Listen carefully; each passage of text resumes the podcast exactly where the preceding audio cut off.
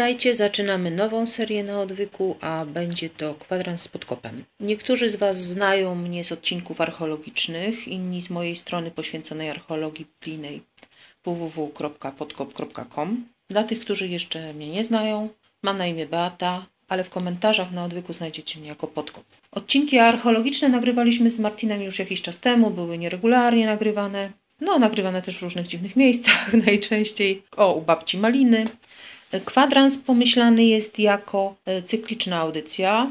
Mm, odcinki będą ukazywać się co dwa tygodnie, chyba że uznacie, że są na tyle ciekawe i warte Waszego czasu, to wtedy możemy pomyśleć nad cotygodniowymi. Kwadrans poprowadzę sama.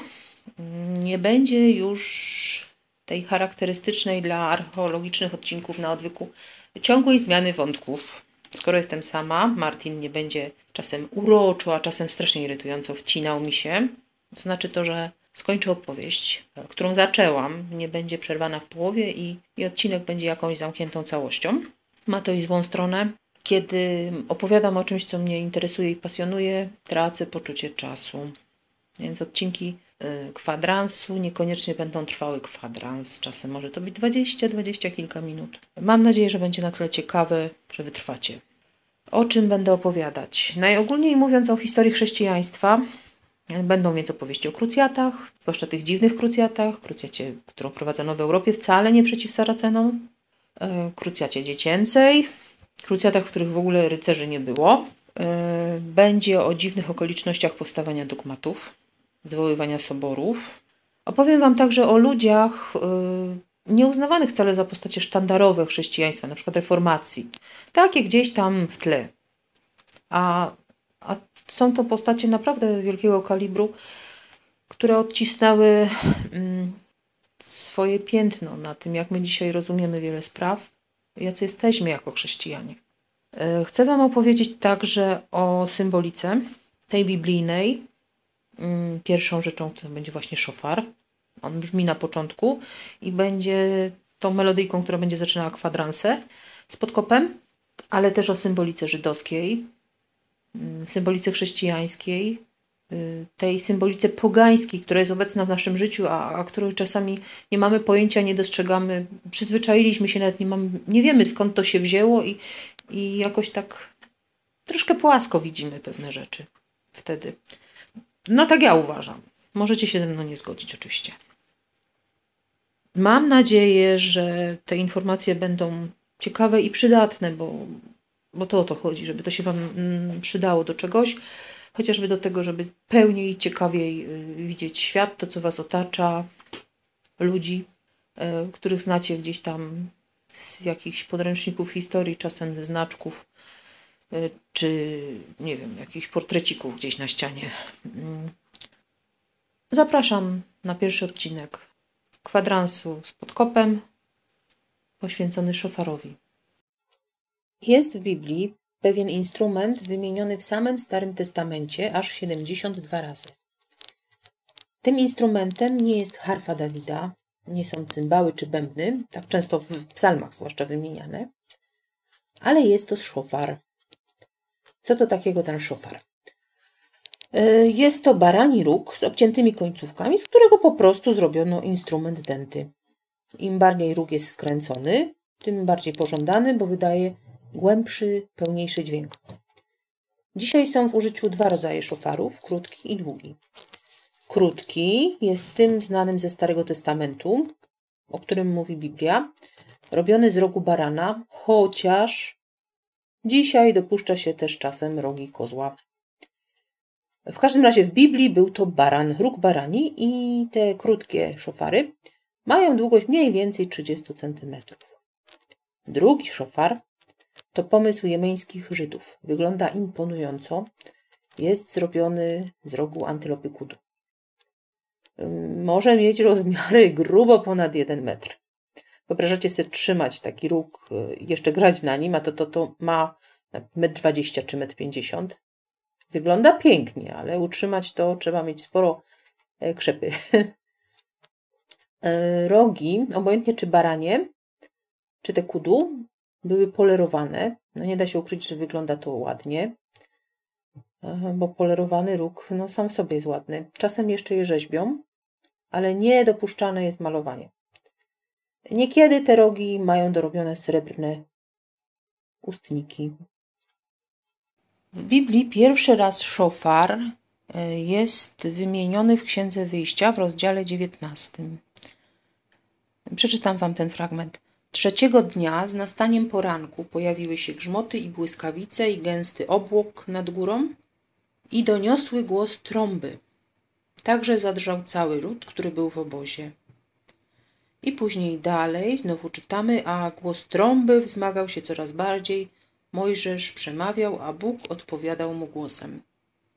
Spektakularny moment na premiery dźwięku szofaru, nie? No właśnie ten dźwięk.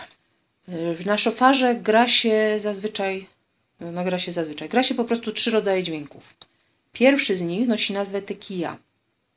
Jest to długi, ciągły, taki głęboki, przenikliwy dla mnie dźwięk, mm, który znaczy tyle, co ogłasza po prostu przybycie Boga, obecność Boga. Jest to ten dźwięk, który najprawdopodobniej brzmiał wtedy właśnie na górze Syjon. A brzmi on tak.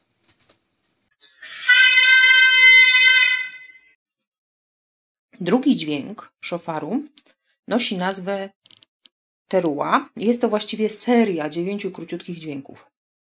Te dziewięć krótkich dźwięków to wezwanie do ataku. No, oznacza też przyjście sądu, więc to tak e, niefajny dźwięk, jak się go słyszało. Szofar nie był tylko instrumentem używanym w świątyni, ale także używano go podczas wojny. Pamiętacie scenę ataku na Jericho, chociaż trudno to nazwać atakiem. E, ludzie chodzili w koło murów miasta, na ich czele szli kapłani właśnie z szofarami, siedmiu kapłanów, za nimi kapłani z arką. I tak sobie chodzili kilka dni. Ostatniego dnia najpierw kapłani zatrąbili na szofarach, potem lud krzyknął, mury się rozsypały. Najprawdopodobniej dźwięk, który usłyszeli mieszkańcy Jericha tuż przed rozsypaniem się murów, to dźwięk teruła, a brzmi on tak. Ten dźwięk szofaru teruła, który przed chwilą słyszeliście, musiał brzmieć wtedy, kiedy Gedeon ze swoimi trzystoma żołnierzami rozgromił, choć właściwie trudno powiedzieć rozgromił, on ich roztrąbił, Midianitów. E, cała historia opisana jest w siódmym rozdziale Księgi Sędziów. A potem podzielił tych trzystu mężów na trzy chówce, kazał im wszystkim wziąć do rąk trąby i puste dzbany oraz pochodnie. Ustawił ich tam na wzgórzach i w pewnym momencie Gedeon trąbi. Na jego sygnał do ataku odzywa się 300 trąb, które też trąbią do ataku. Trzaskając bany, Midianici wpadają w panikę Sami się wyrżnęli albo uciekali. No nie dziwię im się, jeżeli słyszeli 300 sygnałów do ataku, to pomyśleli, że mają do czynienia z 300 oddziałami.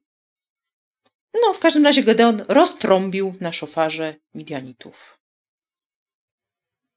Jedna z najbardziej znanych scen z Biblii to scena, gdy Dawid tańczy przed arką. E, jest znana nie tyle z wielkiej choreografii tych tańców królewskich, co z jego niekompletnego całkiem ubioru. On był ubrany tylko właściwie w bieliznę. No i wszyscy pamiętają, że Dawid tańczył w bieliźnie na, w miejscu publicznym, przed arką, kiedy się gapili na niego ludzie. Ale e, jest to też jeden z najbardziej uroczystych momentów w Biblii i moment, któremu oczywiście towarzyszy trąbienie w szofar. E, trzeci dźwięk szofaru, jaki usłyszycie, to jest szewarim. Jest to seria trzech dźwięków. Mm, Słyszy się go w momentach, kiedy jest wezwanie do pokuty, ukorzenia się przed Bogiem. Słowa pokuta mm, chciałam uniknąć, ale padło. Biblijna pokuta jest czymś zupełnie innym niż to takie pojęcie pokuty, nazwę je popularnym. Biblijna pokuta to tyle, co odwrócenie się od złego grzechu, Mm, a zwrócenie się do Boga, do, w stronę tego, co Bóg uważa za dobre. Ta taka ogólnie przyjęta i rozumiana definicja pokuty, zwłaszcza wśród katolików, y, my się obracamy w środowisku katolickim, to jest y, pokuta, czyli danie okupu, zadośćuczynienia za grzech, za zło, które się popełniło, oczywiście którego się żałuje, ale jednak ten element y, wykupu, okupu, zadośćuczynienia jest konieczny. To może być jakiś uczynek, modlitwa, zrobienie czegoś. Trzeba coś zrobić. Pokutuje się, kiedy bije się w piersi, żałuje i robi coś, na przykład odmawia litanie, robi coś dla kogoś, coś dobrego. To tego elementu nie ma zupełnie w biblijnej pokucie. Tam jest to y, decyzja, zmiana myślenia. Chcę teraz postępować tak, jak mówi Bóg. Y, dobre jest dla mnie to, co mówi Bóg, nie to, co sam uważam. Odwracam się od tych złych, nieakceptowanych przez Boga y, uczynków, nieakceptowanego przez Boga postępowania. Nie ma tego elementu wykupu, bo człowiek sam nie może Bogu dać nic w zamian, nic, co będzie rekompensowało grzech. No i odbiegłam od szofaru. W każdym razie Shevarim, ten dźwięk, który kojarzy się z ukorzeniem przed Bogiem, brzmi tak.